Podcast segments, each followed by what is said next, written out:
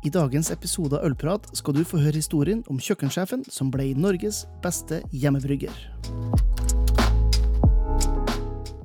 Hallo, og velkommen til Ølprat, podkasten som serverer ølkunnskap og entusiasme rett i øret ditt.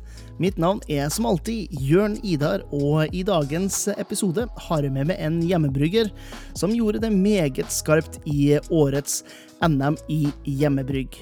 Og før vi setter i gang med episoden, vil jeg bare tipse dere om at jeg skal til Hamar den 26. november for å ha en juleølsmaking, kanskje med litt grann pølse på Matkvartalet, nærmere bestemt Crafty Friends. Så du kan gå inn på Facebook-sidene, link i shownotesen, for å lære litt mer om det. Og ja, altså, hvis du ikke har muligheten til å komme til Hamar, så kan jeg òg si det at 1. desember så har jeg et livekurs på Facebook-sidene der jeg skal snakke om stout og porter, mens den 8. desember så inviterer jeg til et gratis matkurs direktesendt. Det er òg på Facebook, der vi skal ta for oss en av oppskriftene fra Pølser og pils-boka.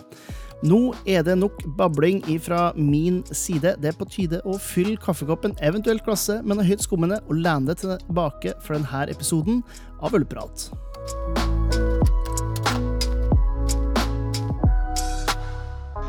Da ønsker vi velkommen til Ølprat, kjøkkensjefen på Finnøy havstuer. Men det er jo ikke det som er hovedgrunnen til at han er med på denne episoden i dag.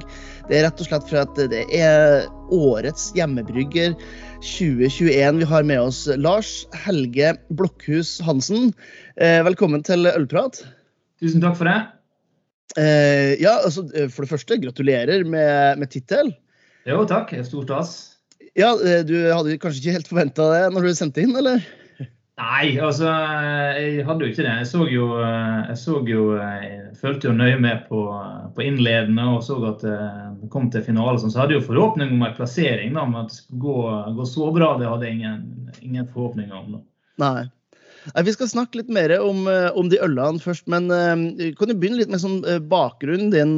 Vi sa det litt før vi begynte å, å, å prate nå, at du, du har vært ni år i, i Trondheim bl.a. Som, som kokk, da, eller? Ja, jeg gjorde forskjellige ting i Trondheim. Jeg kom, reiste derfor. Jeg jobbet, hadde en kort periode i Oslo eh, på tidlig 2000-tall. og Så reiste jeg til Trondheim og begynte på, på Solsiden. og så Jeg hadde tre kråker da. Mm -hmm. Eh, og så gikk det slag i slag. Eh, forskjellige, forskjellige hotell og restauranter. til jeg endte opp på, på Nidelven, Rika Nidelven da, som sursjef de siste fire årene før jeg flyttet tilbake til Sunnmøre. Ja. ja, Det er jo ganske sånn legendarisk sted for oss som er glad i, glad i mat.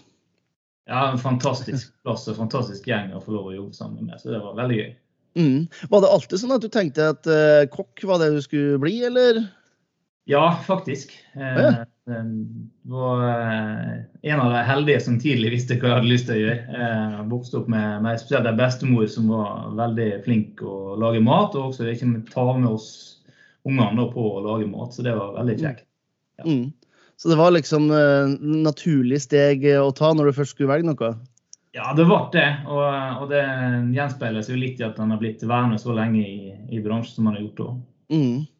Ja, for at uh, du, du sier du var på, uh, på årtusenskiftet var du i, i Trondheim, så du, du, har jo, du har jo vært lengre i gamet enn gjennomsnittsalderen på en kokk, egentlig. ja, nesten, nesten dobbelt så lenge. ja. Og det er jo Det må jo si altså, det er jo et veldig krevende yrke, det å være kokk. Hva er det som på en måte får deg til å, å fortsette å være i det? Det er litt det samme som, som, altså Jeg bruker ofte å si at jeg er så heldig at jobben min er også hobbyen min. Og Det, mm. det gjenspeiles litt i hjemmebrygging, òg, som, som er eh, Du får lov til å skape noe nytt hele tida. Du blir på en måte aldri ferdig med, med, ting, og det skjer stadig nye ting. og Selvfølgelig etter hvert som årene går, så blir det vanskeligere å følge med, da, men det er fortsatt veldig veldig spennende og veldig interessant å jobbe med mat og drikke. Mm. Ja, nå vet jeg ikke om det var bestemor som fikk det inn på, på øl, akkurat, men hvor dukka interessen for, for, øl opp for din del? Nei, Det var i Trondheim. Jeg har en, en veldig god kompis av meg som heter Alex. Som, som hadde begynt med, med noe sånn her byabrygging oppe i leiligheta si. Og så var jeg på besøk, besøk med han, og så var jeg med på, på et brygg og syntes det var forferdelig morsomt. Og syntes det var veldig spennende å, å, å være med på den prosessen. Så da, dagen etterpå så ble det en tur på, på Bakke brygg faktisk, og kjøpe et ferdig, ferdig sett og sette i gang. og prøve seg på en, sin første pale ale, som jeg synes ble, selvfølgelig syns jeg den ble fantastisk god. Jeg vet ikke om jeg hadde syntes det i dag, men, eh, men det var veldig artig. da. Og, og Rota og knota og holdt på sikkert en hel dag med å prøve å få dette her oppvarma og avkjølt osv. Mm. Ja, det er jo eh, det er litt fascinerende der, hvor, eh, hvor, mange som syns at det første hjemmebrygget var, var, helt fantastisk. Men eh, når du gir det et år eller to, så skjønner du kanskje det var, det var, det var drikkende, men det er ikke sikkert det var det beste. nei. nei, det er noe mer, da. Eh, så, nei, men det var i hvert fall veldig gøy å gå, gå inspirasjon til å være med videre. Mm. Eh, og så ja, Du nevnte at du tar turen tilbake til Sunnmøre, for du er jo fra Sunnmøre originalt, ikke sant? Ja, født og oppvokst eh, inne, inne i en fjord nær sagt, på, mm. på Helle Sylt. Ja. Bedre kjent som plassen der du tar ferga til Geiranger ofte. Selv om eh, selvfølgelig litt eh, inhabil, da, men jeg mener jo det at jeg står ikke noe tilbake for, for Geiranger sånn sett. da. Så, veldig glad i heimplassen min, selv om jeg ikke har bodd der på mange år. da. Ja. Ja, for du sier, du ser Trondheim, eh, Oslo. Det var en liten tur innom eh, Danmark også, i Noma og lærte litt. Og så tar du turen tilbake til, eh, til Sunnmøre. Hotell Union også, leste et sted at du har vært, eh, vært innom? Ja, det, det, var, det, var, der jeg egentlig begynte karrieren som lærling før, før, jeg reiste til Oslo. da, eh, mm. i sin tid. Eh, men når jeg tilbake til Sunnmøre, så passa det seg sånn at, eh, at jeg begynte på en Union etter, etter, mange år. Og etter hvert var kjøkkensjef der også noen år da, før jeg dro til Finnøy. Mm. Ja, og da er vi jo der, der, du er i dag, da, som er Finnøya eh, havstuer. Eh, det, hvis folk ikke hørte om hellesylt, så hadde de antagelig ikke hørt om Finnøya heller. Men det, det, er en liten øy som ligger nord for Ålesund. Eh, helt ute i havgapet. Det er, ikke, det er ikke veldig mange innbyggere der? Nei, eh, det er ca. Det er sammen med den mola mellom to øyer, Harøya mm. og, og Finnøya. Så, så, sammenlagt så er det ca. mellom 1000 og 1200 innbyggere her. Så mm. det er ikke så veldig stort. Nei, det er ikke det. Men hva er det som får, får deg til å dra fra, fra byer som ja, Trondheim f.eks. og så tilbake? Var det, er, det, er det liksom det her savnet etter Sunnmørsalpene som gjør det, eller hva, hva er det? Nei, jeg har aldri vært noen skientusiast. Iallfall ikke i voksen alder. Men eh, nei, det er noe med å, å komme hjem. Um, veldig, glad i, veldig, glad i, Trondheim for øvrig, så det er ikke noe, noe misnøye der som gjorde at jeg flytta derfra. Men det er litt tilfeldigheter. Og når jeg flytta hjem, så var, var jeg i en sånn livssituasjon der det, det passa bra da, å få spørsmål om jeg hadde lyst til å komme hjem, og det hadde jeg lyst til på forandring og sånn.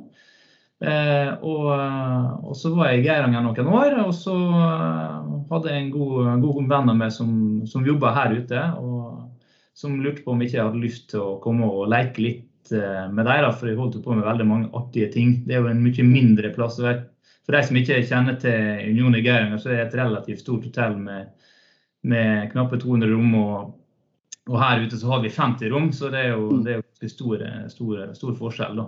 Mm. Um, og, eh, nei, så jeg hadde lyst til å gjøre noe som var litt annerledes. da. Ja. ja. ja og, det, og, innimellom det her så, så fortsetter din interesse for å, for å brygge øl, eh, om jeg forstår det rett? Fikk litt, ja, eh, fikk litt plass? Fikk litt plass. Eh, ting, ting, skjer. Jeg fikk med kone og bonusbarn og kjøpte hus. Og i det huset så var det en eh, vaskekjeller. og Vi bygde på huset, så fikk vi flytta vaskemaskin og tørketrommel opp osv. Da ble det et våtrom som eh, sto ledig. og Da var det bare å sette i gang, egentlig. Ja, og, og hva, er det, hva er det du har fylt det våtrommet med av, av teknisk utstyr, da? Nei, det, du vet, altså De fleste som holder på, vet at det bruker jo bollepose. Eh, så det begynte jo med en reduksjonskjele og, og, og en 40 liters kjel eh, og sånn, men nå etter hvert så har det blitt eh, en eh, Brutals B80 mm. og, en vannkoker og noe sånn gamle bruskjøleskap og, og sånt. Altså. Men det er jo også sånn altså, jeg har jo drevet og fiska litt òg, men selv om du har dyrere fiskestang, så er det ikke sikkert du får mer fisk. Så altså, utstyrsjaget er vel mer, mer sånn behov en får etter hvert. da. Ja, ja det, det, er et, det, er et, godt poeng. Det der. Jeg synes det er En av de tingene som, som i hvert fall tiltrakk mm, til hjemmebrygging, var eh, hvor forskjellig eh, innfallsvinkler folk hadde inn i hobbyen. Altså Noen var opptatt av å hele tiden eh, pushe grenser. og Noen var ekstremt opptatt av å bygge sitt eget utstyr. Og, eh, og alle greier på en måte å lage godt øl til tross for vinklingene og hvordan utstyr man har. og i hele tatt. Ja, det, og det er jo en av de tingene som jeg tror som har gjort at det er blitt så populært. og at det, det snakker, Vi snakker ofte om lavterskel, men det er jo ganske lavterskel å, å begynne å, å, brygge øl. Og egentlig, og det er all, som du sier, at alle kan jo måtte lykkes med det uten å gjøre store investeringer og ha masse plass. Det, så, så, nei, det er, det er veldig kjekk, en kjekk hobby som, som, mange kan delta i. Da. Mm. Ja, og så eh, er det jo litt sånn eh, For min del, da, som eh, jeg har snakka litt om det, det sånn kulinarisk brygging, der jeg tar mye av de, de tingene jeg har opplevd og smakt i, i matens verden, og inkluderer det på et eller annet nivå i, i ølene mine. Er du litt på samme måten, eller Eh, holder du måte de litt avskilt, sånn at uh, mat er mat og øl er øl, på en måte? Nei, uh, hva skal jeg si. Det er jo det er jo en sammenheng. da. Altså, det handler jo om balanse. dette her som, altså Matlaging og ølbrygging og for så vidt også for de som driver med vin, så er, handler det jo om å finne balanse egentlig i smakene. Så en tar jo med seg det innover. Men men jeg er ikke helt der på, på å prøve å lage en sånn der eh, marshmallow, eh, pastry, eh, eplekakeopplegg og sånn. Det er ikke, er ikke, på en måte min greie, da. Nei. Nei, det, men altså, I år er jo ikke første NM, men du var med på Det er ikke første gang du har fått eh, medalje i NM. for Jeg forstår sånn at du, du vant bronse for juleølet ditt i fjor? Nei, det ble gull i fjor. Det var gull i fjor. Jeg, jeg, beklager det. men, men, da har du jo en bra track record, da, du, for du har vært med i to år. Ja. Eh, ja. Første, første, gang jeg sender inn til, til NM sånn ut altså Juleøl har jeg jo sendt inn Det er tredje året jeg sender inn, tror jeg. Eh, men det er første gang jeg sender inn til, til NM sånn med, i andre klasser, så det er litt artig. Mm. Ja, og det, eh, Vi kan jo begynne med, med, med bransjen. En juleøl, Er det mer sånn tradisjonell juleøl, eller er det en som har fått eh, litt besøk av krydderskapet? Nei, det er helt klassisk, eh, klassisk juleøl. Eh, litt sånn eh, mørk, ja, mm. tysk stil, egentlig. Ja. Ut, uten noen krumspring, er tanken. Ja. Og eh, Tysk stil og, og, ikke så mye krumspring, det kan man jo egentlig si om de to andre ølene som gjorde OK pluss, kan man vel si, i ja. kategorien mørk lager og, og, og bukkøl. For du fikk jo eh, bare sølv ja, det sier jeg med store hermetegn, eh, for eh, Stålen Icebook. Eh, frysedestillert ja. bukkøl. Ja. Den, Hvordan funker den prosessen? Det, er, det er samme oppskrifta på de to ølene. Mm. Men den ene den har du på fat, og så setter du fatet i frysen og lager slush, egentlig, og så tar du med trykk da, og fører over det som på en måte ikke er fryst. Og Fortrinnsvis er det jo vann som fryser først. Mm. Så du vil jo få et mer alkoholsterkt og mer sødmerikt og kraftig øl da, i, mm. i, andre enden, forhåpentligvis. Jeg var ikke helt fornøyd med det i år, for det ble litt, litt, for, litt for, mye som frøs. Så det ble litt for søtt. Men mm. jeg syns fortsatt det er en veldig morsom og artig måte å lage øl på. Mm. Ja, det er jo en litt sånn den, er på, den, er på, grensen i forhold til norsk norsk lov, da, for det er jo en form for destillering. Men eh, Nordbrygg har vel kjørt noe eh, Vi hadde en problemstilling oppe for en eh, åtte-ti år siden, og da, da, husker vi vi fikk svar at det var lovlig så lenge det ikke gikk over, eh, over grense. Det ikke var, var, ment for salg, selvfølgelig, som, som alt ja. hjemmebruk. Ja, nei, det er klart. Det handler litt om å pushe grenser. Ja, jo, det, det, gjør det. Men da sier du altså, det er basen for det her er da eh, Stålen Stabukk. Uh, og, og den, den, gjorde jo uh, altså, den gjorde jo helt fantastisk. Uh, endte opp med 44 poeng. som ikke bare, bare, var nok til å vinne da, kategorien mørk lager og, og bukkøl, men òg gjøre det da, til årets hjemmebrygger 2021. Hva, hva, er det som gjør akkurat den så, så bra, tror du? Yeah det handler jo altså som jeg sa, det handler om balanse. da. Jeg tror jeg har funnet, funnet en OK balanse i ølet mellom både alkohol og sødme og, og malt og også bitterhet eh, i det. I tillegg til at jeg tror eh, eller jeg har en personlig oppfatning om at, eh, om at øl skal smake øl. og, og, at altså, Ikke til forkleinelse for, for de, som, de, som, liker å brygge andre ølstiler som kanskje er, er tilsatt både store mengder humle eller logger mye på spennende fat og, sånne ting.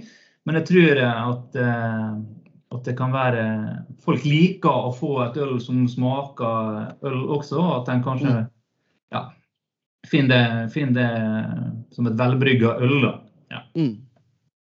Eh, kan du si noe litt om, eh, om måte, base for ølet i form av ingredienser? Det er jo ikke humle som eh, er kongen der, akkurat. Det er jo, det er malte det går på.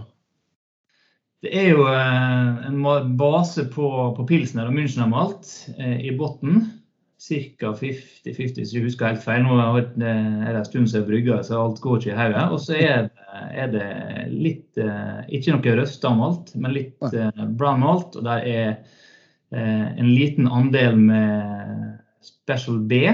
Mm. Det ble jo special N i år. Så det ble norsk, norsk malt. Litt norsk malt i. Og litt karamellmalt og sånne ting for å få litt den her eh, rosin og, og, det liksom mørke preget i det. Mm. Ja, og, og en, en, god bukkøl, i hvert fall når du har en dobbeltbukk og kommer opp i alkohol, eh, alkohol så er jo gjæringa ganske, ganske essensielt. Og, og jeg, vil også, jeg, vil også, spørre deg altså det med å, å, å, være kokk, da, jobbe med næringsmidler på den måten som du gjør til det daglige, eh, tror du det har en stor innvirkning på kvaliteten på ølet du brygger? Ja, altså Det har jo vært en prosess. Jeg har jo holdt på ganske, ganske mange år. og uh, Som sikkert mange andre opplevde når jeg begynte å brygge og tappe på flasker, så var, var det litt spennende uh, av og til å åpne noen flasker. Da. Men uh, så, så, det er klart det fokuset på det med hygiene og, og renhold og sånne ting det, alle, alle, snakker selvfølgelig om det når det er snakk om ølbrygging, men det er essensielt. Mm. Og det er klart de tingene der har jeg jo tatt med meg også i forhold til det fra, fra kjøkkenet. Å holde, holde, orden og holde rent, liksom. Det er veldig viktig. Mm. Hei, ølgærning. Jeg håper du kosa deg med episoden så langt. Jeg vil bare tipse deg om at du syns dette her er good stuff, så kan du få mer av det ved å gå inn på patreon.com slash ollprat. Der er du med å støtte podkasten med et par kroner i måneden, og som takk for det så får du bonusepisoder, tidlig tilgang til episoder, eksklusivt innhold, rabatter og mer til. Så sjekk ut linken i shownotesen, eller gå inn på patrion.com slash ollprat for å ja, rett og slett lære deg litt mer. Nå er det på tide å gå tilbake til episoden så kan jeg se for meg at det som serveres uh, mye, er jo industriøl fra Hansa eller Ringnes eller hva det måtte være. Uh, så det, enn, enn, så lenge så har det ikke vært noe uh, Lars Helge-øl å få. Men det å bli årets hjemmebrygger betyr jo at du får jo brygga den her kommersielt, ikke sant? Ja, det gjør jeg. Og det er jo, det er jo den største premien sånn sett. Det, det gleder jeg meg veldig til. Hvor er det du skal, skal dra og brygge det? Nei, har, det har ikke jeg fått helt klarhet i ennå. Eh, men det som, det som, jeg fikk vite, at det blir høyst sannsynlig enten Sjufjell eller Kinn. Så, ja. så, det er jo to av Norges aller, aller beste bryggeri. Så det blir spennende. Ja, det er jo to av de bryggeriene jeg kan tenke meg til som gjør en sånn stil eh, best. Eh, Gard eh, eh er jo en legende innenfor hjemmebryggermiljøet. og det er klart at uh, denne type klassiske stiler faller jo både han og Espen i kinn uh, veldig nært hjertet. Da. Ja, nei, så det, det blir bare det, Som sagt, det har ikke helt gått opp for meg ennå. Det, det, det blir gøy. Det må, eh, om jeg ikke husker helt gærent, så er det ikke så mange år siden det var en dobbeltbukk som vant, eh, som ble årets hjemmebrygg, eh, som da ble brygga av Nøgenø. Ja, kan godt hende. Ja, så det, det, virker som at, at, eh, hvis man har lyst til å bli, å bli årets hjemmebrygger, så er dobbeltbukk en god vei å gå. Ja, jeg, ser, jeg så litt bakover. Ser det er mye, mye lager faktisk også, som, altså mm. lyslager de siste årene som, som, har vunnet fram. Så, så, eh, det kan jo være et stalltips å, å, å gå, for, eh, gå, for, en klassisk stil hvis en vil helt til topps. Tilsynelatende, da. Ja. Ja for, de, for, de, som hører på det her og ikke er hjemmebryggere, så er jo eh, NM handler jo om å brygge øl eh, stilrikt og treffe de eh, parameterne som er satt i forhold til den stilen man leverer, leverer inn til. Og, og, der må jeg jo si at eh, den tanken du har med at eh, øl skal ha ølsmak, eh, den tror jeg passer ganske bra inn, da. Ja, altså det og det er jo, og Sånn sett så er det litt urettferdig for de som, som brygger f.eks. en Neipa og, og, sånne ting som er, skal være et helt ferskt øl. Mm. Ehm, det er klart å brygge lager når det skal sendes inn eh, en måned før, og så skal det lagres og så skal det smakes, så skal det kanskje stå enda lenger før neste, neste runde. Så er det klart det er en fordel å ha et øl som i anførselstegn er mer holdbart. da, mm. tenker jeg. Ja, men det, det er ikke en dum, eh, dum tanke, det, altså. Så um, jeg så eh, Nå skal man ikke tro på alt man leser i avisene, men eh, jeg leste noe om at eh, altså du, du, er glad i å eksperimentere med, med mye forskjellig, og at eh, Jeg leste noe om Stølen sats og dropskokeri. Ja, det må jeg dementere litt akkurat den der. Eh, det var jo et intervju som ble gjort, og så eh, jeg var på en sånn Romsdalsmesterskap i Molde for noen år siden, så da måtte vi ha et bryggerinavn. Mm. Og så driver jeg med, med, mye rart. da, altså Salting og eh, safting og sylting osv. Så, mm. um, så da ble det Stølen saft og dropskokeri. Altså da saft som i ah. Du bør helst unngå å få diverse myndigheter på, på nakken. Jeg driver ikke så mye med, med heimbrenning. Selv om destillasjonen er jo veldig spennende, og det vi gjerne kunne, kunne utforska med tid og stund men det er ikke akkurat nå. Nei, Nei det kan jeg skjønne, da. Ja, det forklarer, Hvis det var saftkokeri, så er det litt, eh, litt mer eh, Jeg skal ikke si logisk, men det, det makes more sense. ja, og litt mer lovlig. Ja, litt litt mer lovlig òg. Man skal ikke undervurdere at det også kan være en god faktor i det hele. Men hva, hva, si, hvor går eh, ferden videre? Altså, du, du jobber jo på, på, et sted som ligger midt i matfatet um, i, i Finnøy. og jeg regner med du kommer ikke til å putte bort uh, uh, bryggerutstyret med det første. Er det noen, uh, noen videre planer, eller er det bare å holde det som en, en gøy hobby? eller... Altså, ja, det er egentlig det. For jeg, jeg, har tenkt, altså Mange spør jo. Eh, Som sagt så har jeg holdt på å brygge i mange år, og det har jo gått relativt greit. og jeg synes det, eh, det er morsomt å holde på. Men jeg tenker jo litt sånn at uh, ting, ting, er gøy når det er hobby. Og, og en av de tingene som jeg syns er spennende, er at du kan gjøre noe nytt nesten hver gang. Mm. Ta noen ting med deg som du videreutvikler og prøver flere ganger, så kan du prøve noe nytt. Og kommersielt sett så, så, bør en jo eh, være litt mer stabil og levere samme vane gang på gang. Så, så, akkurat den biten der har ikke helt eh, fått fot på ennå. Men, men, det er klart, hvis det dukker opp noe spennende, og noen som har lyst til å satse og investere, og sånn, så kan en være med og leke. For alle. Ja, holde, holde, dørene åpne for Stølen øl- og dropskokeri, kanskje? Ja, det må det. Så, så Nei, vi, har jo, vi, har jo, litt tanker. Vi, har jo et, vi er en del av en, altså Hotellet som vi jobber med, er en del av en kjede som heter Classic Norway. Mm. Eh, og vi eh, har også da eh, Gloppen, eh, for den som kjente det i, i mm. porteføljen. Og de har eh, bryggeri. Mm. Så de brygger på hotellet. Så, så, tanken er kanskje om vi får lov å reise dit og brygge vårt eget sommerøl. Ja. Det, det kan han bli fin på. Ja, det er, ikke, det er ikke, dumt. Det. det. Jeg tenker at Når man har de mulighetene som det virker som du har der du, der du jobber, så det å, å, inkludere øl på et eller annet vis i, i menyen og gjøre noen eksklusive ting sånn sett, det må jo være nydelig for en, en fyr som det, som virker å være kreativ og har lyst til å gjøre nye ting. Jo, det, det er jo det. Og vi har et stort fokus på, på både vin, øl og brennevin og også alkoholfrie drikker her ute. Og knytte det sammen med, med mat og mathistorie. og sånne ting her ute. Så, så eh, det, det, er ganske Ja, nå glemte jeg litt hva jeg skulle si, men det, det, det er noe som vi knytter sammen og bruker i stor grad allerede. da. Og mm. Derfor er det jo artig hvis vi kan ta, kan ta med oss mer egenproduksjon også på drikkesida inn i det vi holder på med. da. Ja. Eh, hvis du skal gi mot slutten, hvis du skal gi et, eh, et lite tips til noen som har lyst til å begynne å brygge hjemme, hva, hva vil være et godt sånn nybegynnertips fra, fra det? Keep it simple. Um, ikke, ikke, gå i utstyrsfella med en gang. Begynn heller i det små. Uh, har du liten plass, så kjør gjerne i gang med, med ekstraktbrygg, for du kan lage like gode øl med ekstrakt som du kan med all grain. Mm. Eh, det handler selvfølgelig om tid og, tid og sted. Ja. Jeg syns den er bra, den. Den er Keep it simple, stupid. Den tror jeg har fulgt med siden jeg begynte med det her òg, så før, jeg, før, jeg, lar det gå tilbake til, til jobb, så, så, må jeg stille spørsmål til det som jeg stiller til alle som er med på Ølprat. Og det er rett og slett bare Hvis du skulle ha valgt ut i dag en, en god øl- og matkombinasjon, hva, hva ville det vært? Nei, vi, vi, begynner å nærme oss, nærme oss jul.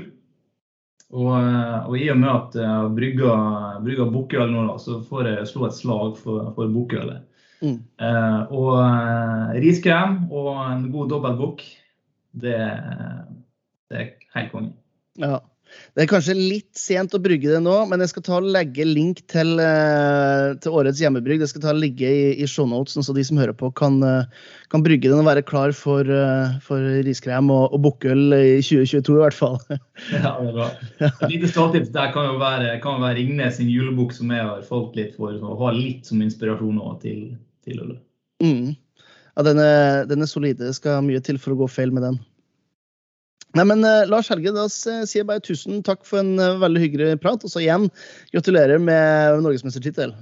Tusen takk. Takk for praten.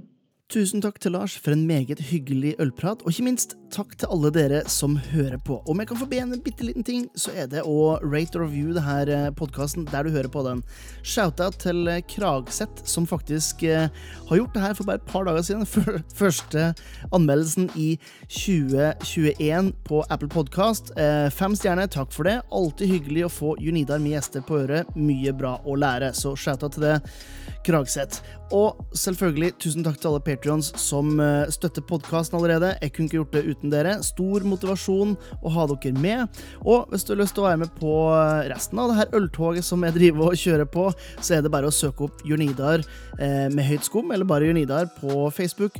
Instagram så finner du ja, alt av eventer og poster og bilder og tjo hei som jeg eh, peiser på med. Og et par nye meget snasende videoer har kommet ut også de siste ukene. Eh, hvis du ikke orker å gjøre alt det der, så kan jeg ta og sende en highlight til innboksen din. I shownotesen så finner nyhetsbrevet som jeg sender ut uh, annenhver uke, med ja, rett og slett bare en oppsummering, så slipper du å følge som med. Og da. Det gjør jo livet som enklere å bare kunne sitte der og få all uh, deilig ølkunnskapen trykt rett inn i innboksen. Det syns i hvert fall jeg. Tenker det får holde for den gangen her, så får du ta og huske til neste gang vi høres, at livet, det er for kort for å drikke dårlig øl.